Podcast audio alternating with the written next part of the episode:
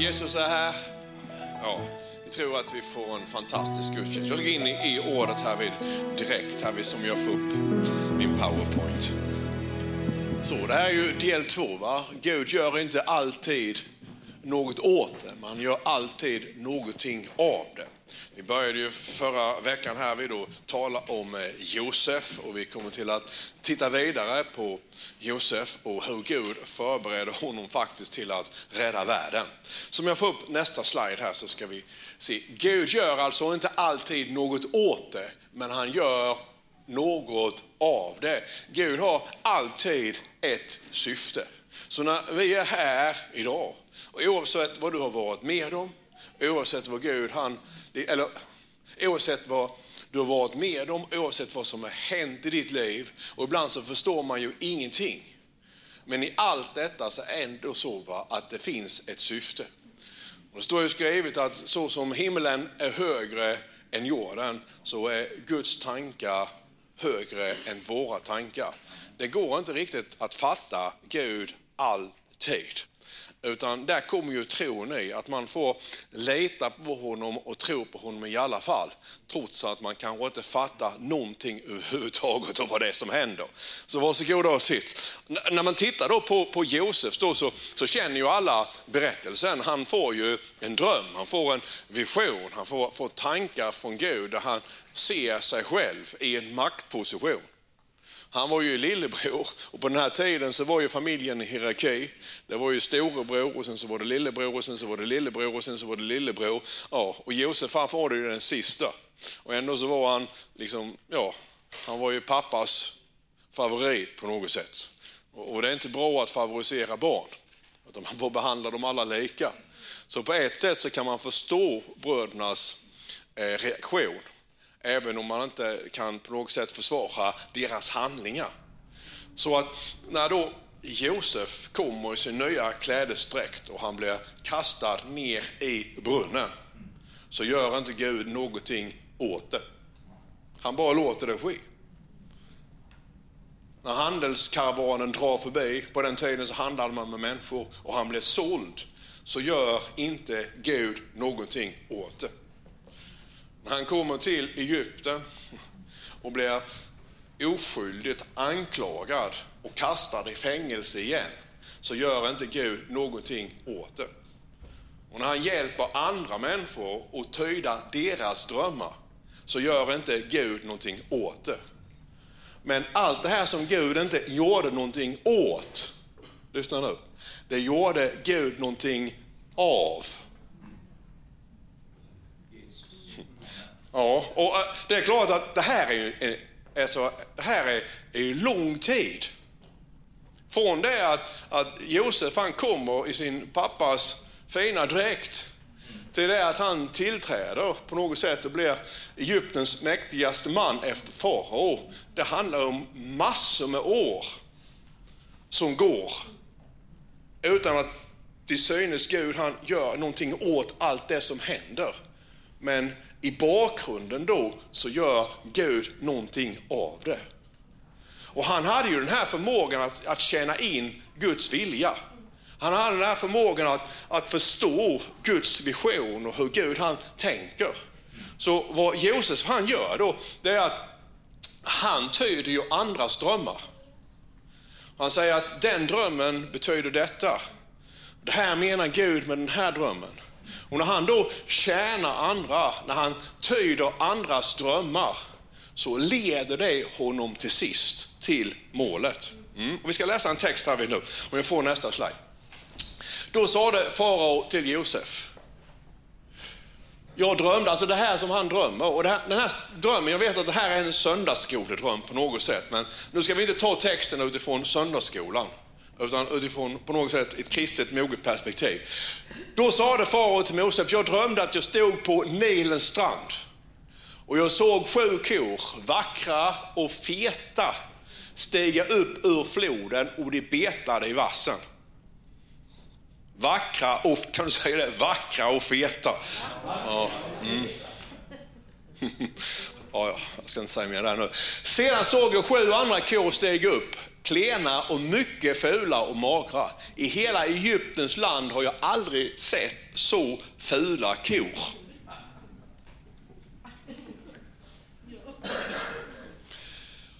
Och de magra och fula korna åt upp de sju första feta korna.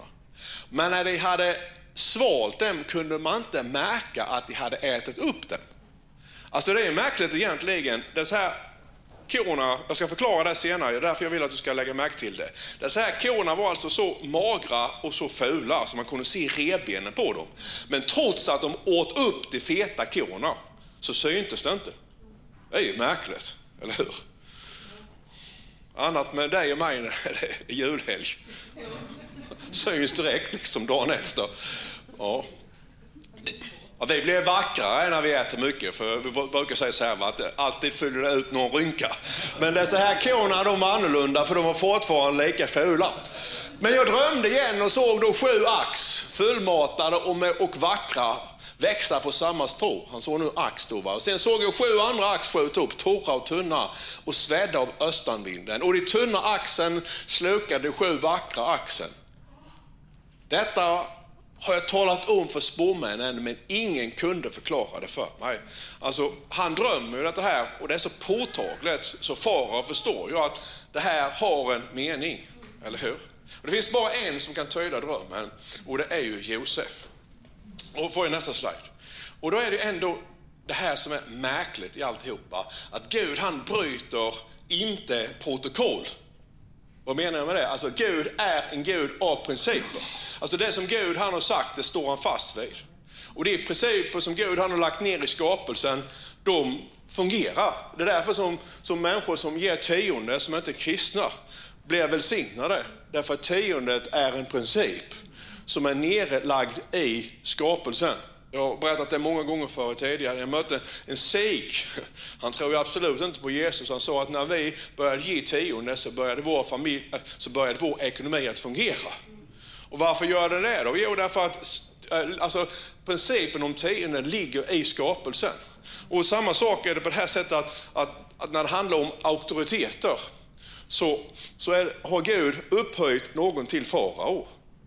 Så drömmen kommer ju här vid nu till farao, en hedning som bar till solguden Ra, men han kunde inte tolka den. Tolka Guds drömmar däremot kan den som har Guds ande. Så det är därför som Josef kommer in i bilden. Alltså Gud gav drömmen till en hedning som bara en troende kunde tyda. Och det är det jag menar med att hela, hela Josefs liv har liksom nu varit på väg emot en speciell tidpunkt. Så allt det som Gud inte gjorde någonting åt, nu öppnas dörren. Och nu är tiden inne när Gud, han ska göra någonting av det. Och kanske är det så att du som är här och ni som lyssnar, att i allt det som har skett i ditt liv så tycker du, varför har Gud inte gjort någonting åt det? Nej, han har kanske inte gjort någonting åt det, men kanske är det så att han håller på att göra någonting av det. Jag tycker ju ibland att vissa saker borde jag ha fått gjort långt tidigare. Men det var kanske inte så att jag kunde göra det tidigare, därför att nyckeln var inte färdig. Mm, får jag nästa slide? Titta nu här. Då sade Josef till farao. Faraos drömmar har en och samma betydelse. Gud har visat farao vad han tänker göra. De sju vackra korna betyder sju år och de sju vackra axen betyder också sju år. Drömmarna har samma betydelse. De sju magra och fula korna som steg upp efter dem betyder sju år. Liksom de sju tomma axen som var svedda av östanvinden. Sju hungerår skall komma det var detta jag menade när jag sa det till farao. Vad Gud tänker göra har han låtit farao veta. Sju år ska komma med stort överflöd över hela Egyptens land. Men efter dem ska det komma sju hungerår och man ska glömma allt det tidigare överflödet i Egypten och hungersnöden ska ödelägga landet. Man ska inte minnas det tidigare, alltså man ska inte minnas det tidigare överflödet. Tänk så lätt det är att glömma, eller hur? Hur det har varit. Men också hur viktigt det är att när man lever i ett överflöd, planera för att det kan komma tider när man kanske inte har det så fett. Mm, jag kommer till det senare. Får nästa slide. Därför att nu är det så här då va, att farao har haft drömmen två gånger, säger Josef nu, betyder att detta är fast bestämt av Gud och han ska låta det ske snart. Ja, han säger, får du exakt samma dröm två gånger, då ska du på något sätt vakna till och fundera över vad är det Gud menar med den här drömmen. Mm. Därför bör farao utse en förståndig och vis man och sätta honom över Egyptens land.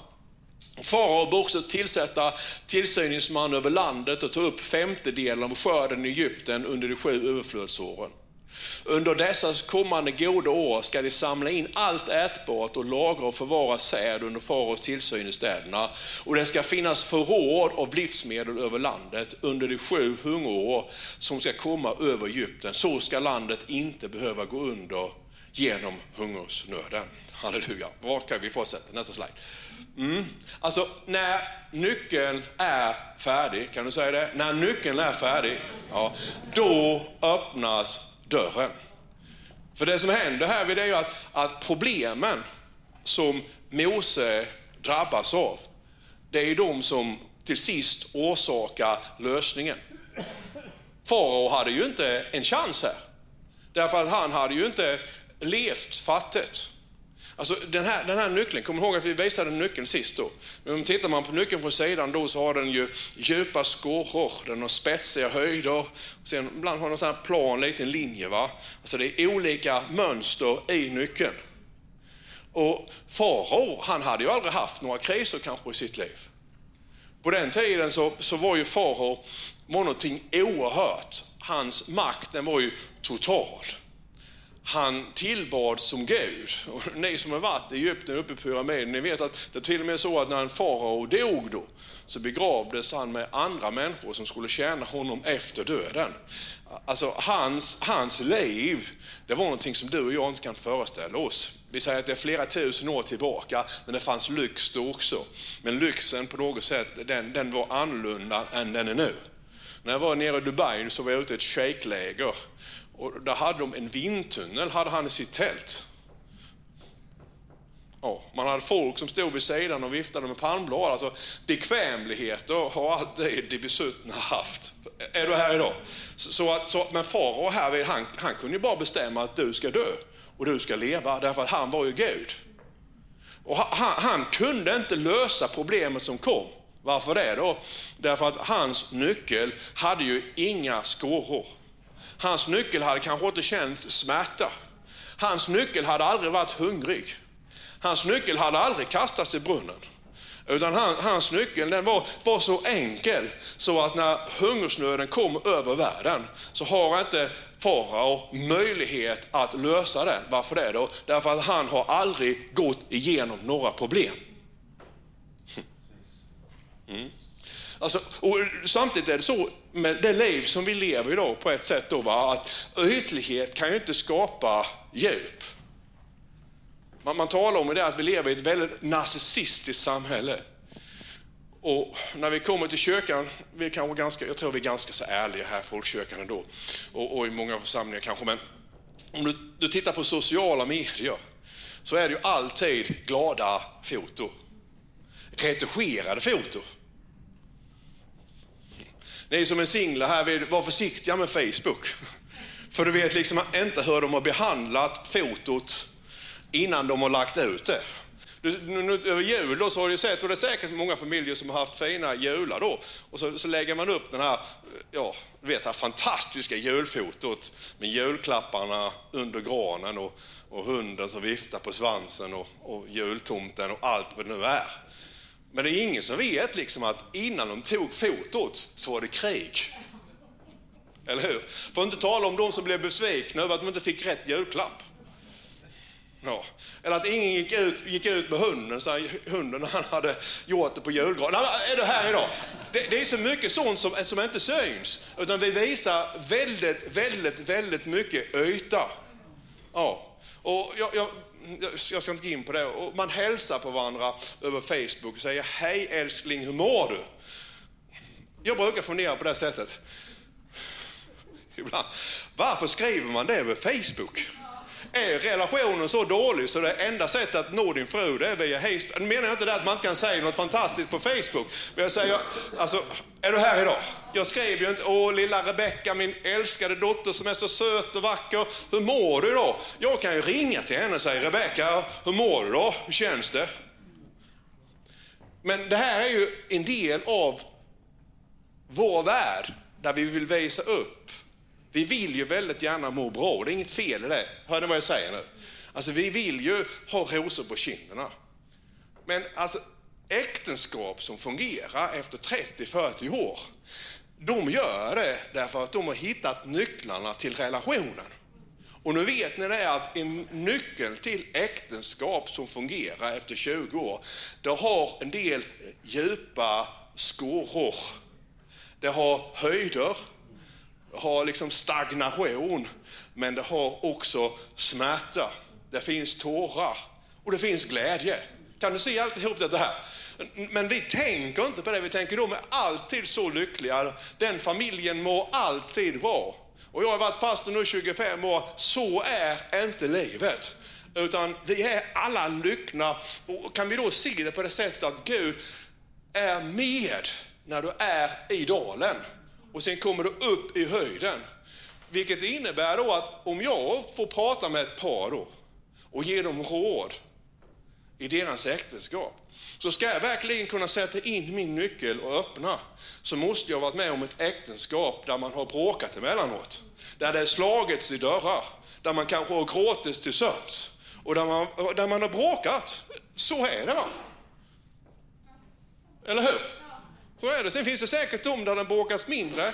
Och, och jag vet ibland de har tidningsintervjuer jag läst, man var gift i 50 år och så säger man så här, ja, det är så underbart och det har alltid varit så bra. Men du vet, efter 50 år då så har man glömt vad som hände efter 10-15. Alltså man är någonstans här och nu. Och sen är det också en sak till, får jag säga en sak till? Ja, i, i, I livet så är det så att det är kontrasterna som, som skapar alltså, färgerna i livet. Du vet att när du har fastat på vatten, hur smakar maten då? Alltså ju hungrigare man är, desto bättre smakar maten. Jag vet ibland har jag varit riktigt, riktigt hungrig och inte ätit på länge.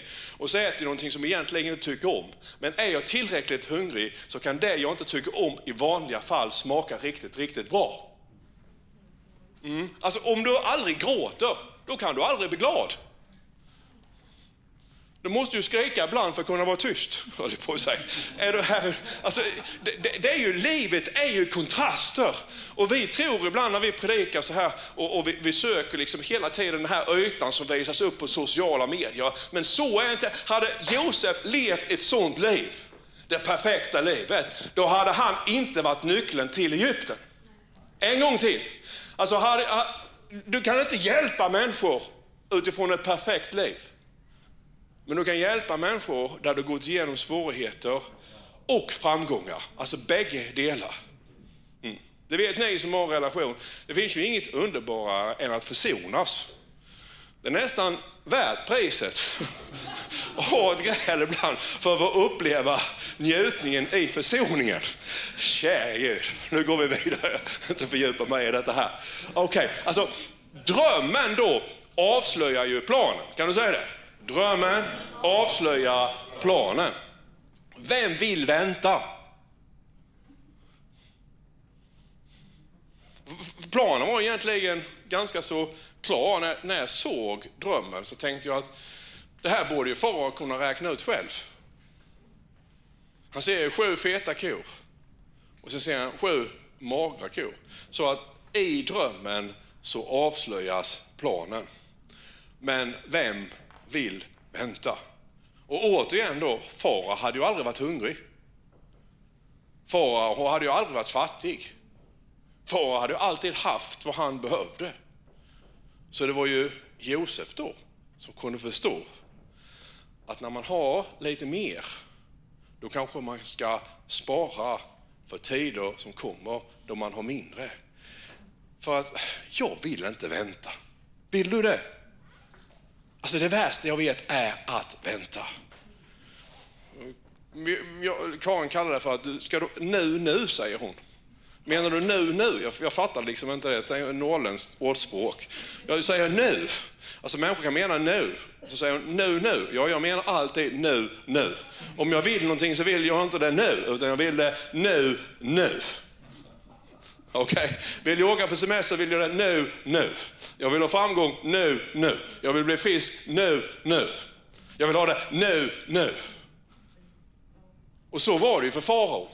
Han levde ett sånt liv att det han ville ha, sa han nu. Då så gav de det till honom nu, nu. Vi vill ju inte vänta.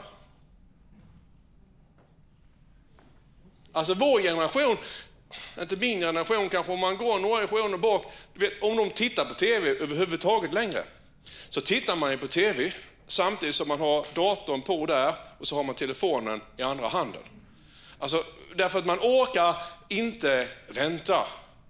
Och orka är kanske fel eh, ord, utan det är på något sätt ligger i det mindset som, som läggs ner i människan idag. Vi hatar att vänta. Så får man se den här drömmen då med sju feta kor så vill man gärna ha en fjärrkontroll. Eller hur? Vad, Tommy, vad är fjärrkontrollen? Om två år kommer Gud att välsigna dig. Kan jag få en fjärrkontroll? Jag vill inte vänta. Jag funderar på att jag ska köpa en ny bil. Jag kanske du ska spara till den nya bilen. Vad är fjärrkontrollen? Ja, jag skulle byta. Jag vill, ha, jag, jag vill bli gift nu. Jag vill ha en ny TV nu. Jag vill åka på semester nu. Jag vill ha en sommarstuga nu. Eller hur? Jag vill ha ett nytt jobb nu. Jag vill att du ska vara glad nu. Jag vill nu, nu, nu. Men så är ju inte livet. Om Gud han har gett dig en dröm så får du kanske vänta och vänta och vänta och vänta. Och när Josef han då trodde att allting var över, att alla hade glömt honom, då satte nyckeln in i låset. För att uppgiften han hade handlade ju om att vänta. Mm. Nu finns det en sak här som, som jag inte sett innan, som jag tänkte på när jag läste det. Alltså varför blev inte de magra kossorna feta. Alltså varför, som jag sa innan, reagerar inte korna som du och jag gör efter all julmaten? De var fortfarande lika magra, trots att de hade ätit upp det så här vackra, feta korna. Tänk dig själv om du skulle kunna äta det ena julbordet efter det andra. Du vet, och fylla dig på kvällen med choklad, lösgodis, glass, vispgrädde och det skulle liksom inte synas på utsidan.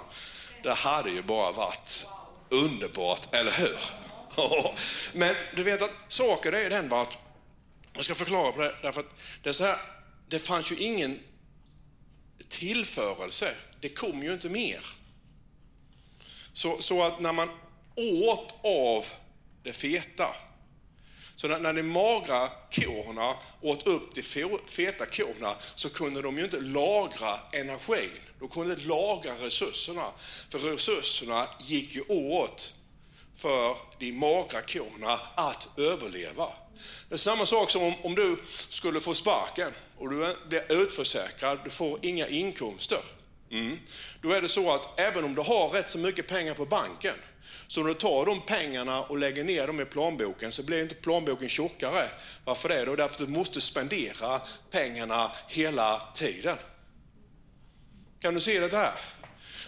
Och därför så, så ser ju Josef det här att korna blev ju feta, och de var feta. Men när de magra korna åt upp dem så hjälpte det inte. Varför det då? Därför det fanns inga resurser, det fanns ingen som tillförde mer resurser i Egypten. Och vad han gör då är att han sparar ju 20 procent. En femtedel. Bara en femtedel, 20 procent varje år. Och jag tänker så här, kanske är det Guds plan. Eller hur? Tänk om du och jag vi skulle spara 20 procent av vår inkomst. 20 procent sparar vi, 10 procent ger vi tionde, sen ger vi lite grann till missionen. Ja, då står vi liksom på något sätt på stadig backe oavsett vad som händer. Tänk om Sveriges riksdag sedan hundra år tillbaka, när det har gått bra, varje år hade sparat 20 procent. Vilken ekonomi hade vi inte haft i Sverige då? Alltså här är ju på något sätt Gud talar till oss och ger oss principer. Han säger att livet är på det sättet. Det kommer feta år och det kommer magra år. Ja. Och, och ibland så är det så här va, att när du och jag vi har de feta åren, vad gör vi då? Ja, vi äter ju allt vad tyget håller. Alltså när pengarna kommer så lever vi nu. Vi spenderar varenda en krona. När möjligheten kommer så spenderar vi möjligheten. När vi har möjlighet att göra det så gör vi det nu. Och vi tänker ibland inte på att det kommer en tid senare. Så när Gud han talar till oss genom texten här, så säger han så här att, lyssna nu, du har inte råd att göra allt det du gör när du har råd. Utan ibland så måste man sätta av lite pengar och så har vi gjort i folkkyrkan. En orsak till att vi har klarat oss bra i folkkyrkan hittills är att när jag kom hit då, för länge, länge sedan, då fanns det aldrig några pengar. När, när lönerna skulle betalas ut så var det så att det skrek.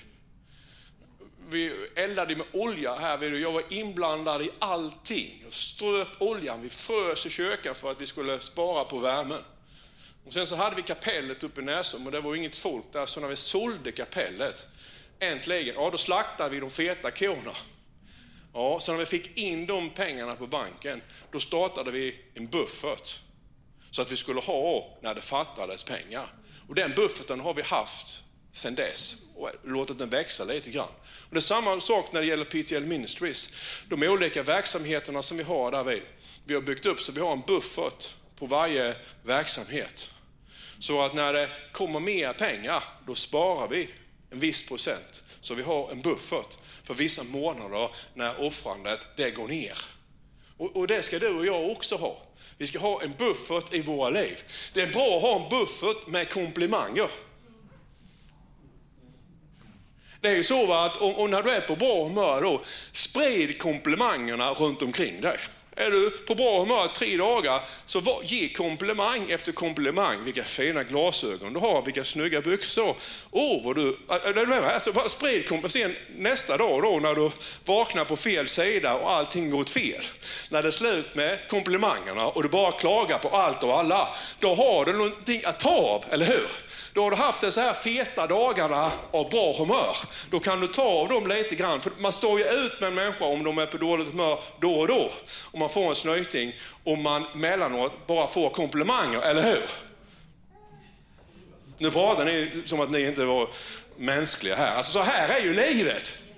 Så är det. Va? Att om du jobbar över, då kan du få lite flextid. Så den dagen när du blir trött så kan du ta liksom lite grann av de feta korna, så kan du ta det den dagen när du är trött.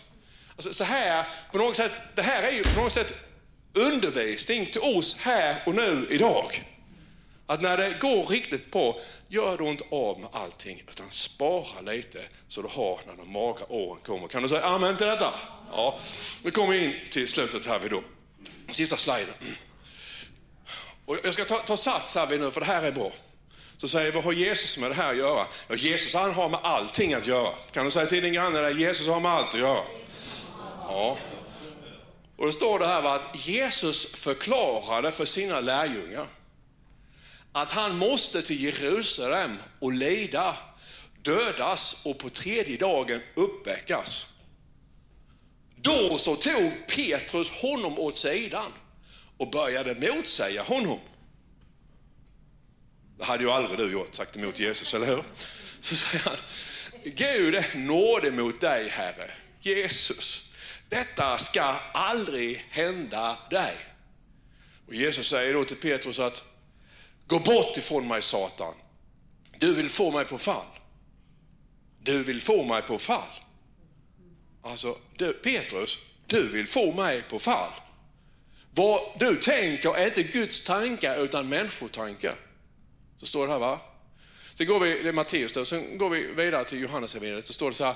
De åt kvällsmål.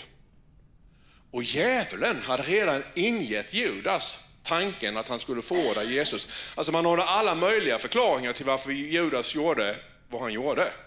Jag förstår inte vad man håller på med, det står ju här. De åt kvällsmål och djävulen det var ju djävulen, alltså det var en demon som hade flyttat in i Judas som påverkade hans handlingar. Hade redan ingett Judas tanken att han skulle förråda Jesus. Och så säger Jesus några verser senare, jag vet vilka jag har utvalt. Så Jesus hade alltså utvalt Judas. Men skriften skall fullbordas. Den som åt mitt bröd lyfte sin häl emot mig. Alltså, Judas tog nattvarden tillsammans med Jesus. Och när Judas hade tagit emot brödstycket får Satan in i honom. Här står det en gång till att Satan får in i honom. Och Jesus sa då till honom, gör snart vad du tänker göra. Alltså, till Petrus så säger han att du vill få mig på fall. Men till Judas säger han, gör snart vad du tänker göra. Och säger du, är du på väg nu Tommy? Jo, det är ju så här va, att lösningen och en del av planen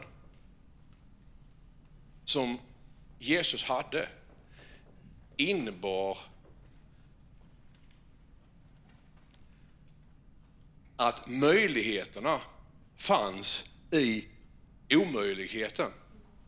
Kan du se det här? Alltså Petrus älskade Jesus och Jesus älskade Peter, Petrus, eller hur? Men Petrus försökte ju få honom bort ifrån planen. Problemet i gruppen var ju Judas. Motståndaren i gruppen var ju Judas. Omöjligheten var Judas, därför att Jesus hade ju utvalt Judas att vara en av de tolv. Men lösningen på den plan som Gud hade med världen just då fanns inte i Petrus. Utan Jesus säger till Petrus, du försöker få mig på fall. Men han säger till, vad säger han då? Han säger till Judas, gå och gör vad du bestämt att göra och vad det är bestämt att du ska göra. Judas var ju lösningen på problemet. Så i problemet fanns lösningen. Därför att om Judas inte hade förrått Jesus så hade han ju inte blivit korsfäst. Och ibland så är det faktiskt på det sättet va, att de problem som du och jag har i vårt liv, det är problemen som möjligheterna finns. Möjligheten att bli förrådd. Möjligheten att det kom någon och gav honom en judakyss, Möjligheten att det var någon som visade vakterna vad Jesus var. Möjligheten att det var någon som sålde honom till prästerskapet fanns i problemet i Judas. Och det, på något sätt så, vi har ett problem i Sverige idag. För lite människor kommer till Jesus. Och, och, det är ett problem, eller hur? Men på något sätt så, som det står här vid då, att se en plan där alla andra ser problem. Hur kan vi se en möjlighet i att för lite människor kommer till Jesus? Och det är allt det här som på något sätt, på något sätt är summan av Josefs liv. I hans problem så såg han en plan. I omöjligheterna så såg han en möjlighet. Sju år av hungersnöd. De flesta hade gett upp, men inte Josef. Därför att han såg en möjlighet i omöjligheterna. Och det är det som driver oss. Kom till Indien första gången. Allting var ju budget, budget. Har ni flugit jumbojet någon gång? Alltså de är stora.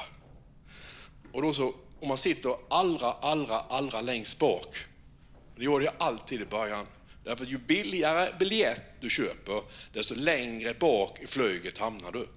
Och då hamnar allra längst bak då, så sitter du, så har de det tre säten så, sen så är det tre, ja, de tre säten, de har klämt in tre säten där. Och sen så är eh, flygplats, eller flygplanspersonalen där och sen så är det fyra toaletter här. Och det innebär att när alla då i ekonomiklass har ätit så ska alla besöka toaletterna. Och då räcker inte fläktarna. Så att när, när, när, du sitter där bak då så känns det som att du sitter inne på toaletten. Ja, och då, då tänker man också bara, hur ska jag ta mig förbi de sista stolarna i jumbojeten. Och du menar att omöjligheten skapar möjligheten för du börjar tänka, hur ska jag göra för att höja mig en nivå? Gud, ska jag behöva åka här bak hela livet? Det är ju totalt odrägligt. Är du här? Dessutom får du mat sist om du sitter sist. När vi, när vi landade i Delhi då, så vi landade mitt i natten. Och ingenting kunde ju förberedas. Så det var en indisk kille som vi samarbetade med och han, hamnade, han hämtade mig med så här mopedrixa. Och jag, hade, jag, jag, var, jag, var, jag var trött, jag mådde dåligt, hade grym separationsångest, längtade bara hem. Och så alla dessa människorna då, Alltså alla skriker, alla, de skriker något så fruktansvärt överallt hela tiden. Och innan man fått väskan liksom och kommer ut då, och allt är bara en enda stor röra, för jag var ju inte resvan på det sättet överhuvudtaget. Och sen kommer det en mopedrixa då, som kör liksom i mitten av vägen, känns som man kör 300 kilometer. Är du här idag? Och sen så när vi kommer till tågstationen då, mitt i natten, klockan 12 så hade vi inga pengar då att ta in på hotellet utan vi fick ju sova på stationen. Då. Innan tog bort råttorna från stationen. Så det var stora råttor överallt. Så de gick på perrongen så och såg över till nästa perrong. Så under där så kryllade det av tusentals råttor. Sov över ett bord och då såg man hur råttorna sprang. Men jag menar, i den här omöjliga situationen föds möjligheter. Därför att i problemen så söker man en lösning. Kom igen nu, förstår ni vad jag menar? Då, då tänker man ju så här, va? hur ska jag ta mig en nivå till? Så jag i alla fall slipper tillbringa natten bland råttorna på tågstationen. Och när du och jag är här nu idag, så har ju du också problem. Eller hur? Vi finns i, i olika situationer. Jag förstår att du kan känna dig tilltryckt och ibland så känner man, man sig så nedtryckt som man undrar, kan jag någonsin resa mig upp igen? Gud, varför gör du inte någonting åt det? Du vet att Gud kanske inte gör någonting åt det just då, men om du lever och håller fast så är jag säker på att Gud kommer till att göra någonting av det. Jag fick några fler nätter bland råttorna. Och vet första gången jag lyckades, ja, jag försökte alltid ta mig hem tidigare när jag skulle åka. Det var ju så att när jag väl bara åkt hemifrån så började jag fundera på hur jag skulle kunna flyga hem en dag tidigare. Så det var ett himla jobb hela tiden, ringande hit och dit till resebyråer och flygbolag och så här. Va? Och vi kom till, till, till Delhi då mitt i natten och vi stod där utanför, och alla gapade och skrek. Och, och, och klockan tre på natten eller två på natten då så, så kommer de ut och säger du får ingen flygbiljett Tommy, du får sova över till imorgon. Ja, inte en natt till bland råttorna. Och så fanns det ett hotell då som hette, jag, jag kunde ju ingenting om hotell heller, så fanns det ett hotell som hette Radisson. Jag visste inte vad det var, men det låg liksom bara precis några kilometer från flygplatsen. Och vi ramlade in på Radisson då, jag och Ashokan. Ashokan han är eh, liksom uppväxt i slummen i Indien. Och de såg ju på oss att vi hörde inte hemma det här och vi visste ju inte vad det här var för typ av hotell. Och Gud hjälpte oss, vi fick ett fantastiskt bra pris. Vi köpte en natt för en person då, och sen smugglade in Ashokan. Och han, hoppsan, Ja, han hade jättedåligt samvete för det var en sån här division eller vad nu heter, vad heter det? Divanen. eller så. Ja, han, han sov på divanen, han hade dåligt samvete hela tiden. Han var rädd att de skulle komma. Och när jag kom in på det här hotellrummet, jag visste ju inte vad det här var. Det var ju ett fantastiskt hotell. Man kände sig som, ja, prinsessan på ärten, är det inte? Är du med mig? Man kände sig som en prins här inne. Och du vet att när, i alltihop detta här så ser man ju då att Gud, eh, alltså Gud har en förmåga att när allting är som värst, så ser han att jag kan ta dig längre Tommy. Nu handlar inte livet om att bo på femstjärniga hotell, det är inte det jag menar. Men det finns alltid en lösning när du och jag är trogna. När Josef han är i brunnen. Inte tänkte han på att några år, eller många år senare, så kommer jag till att bli den näst mäktigaste människan i hela världen. Han tänkte nog, Gud varför gör du inte någonting åt det? Men Gud han gjorde någonting av det, halleluja. Och det är möjligt att, att ditt liv just nu är tilltryckt, men jag tror att Gud kommer inte att göra någonting av det. Jag tror att Gud kommer inte att göra någonting av församlingssituationerna i Sverige. Jag tror att Gud han gör någonting av alltihop det här. Jag tror faktiskt på det här sättet när det gäller församlingarna, att Gud har varit tvungen att låta oss gå ner i dalen. Ja, för det var saker och ting i våra församlingar i frikyrkan som var fel. Och nu är vi på väg upp. Och när tiden är inne så sätter han in församlingarna i nyckeln i låset och då öppnar det så kommer det en våg av folkväckelse i Sverige igen.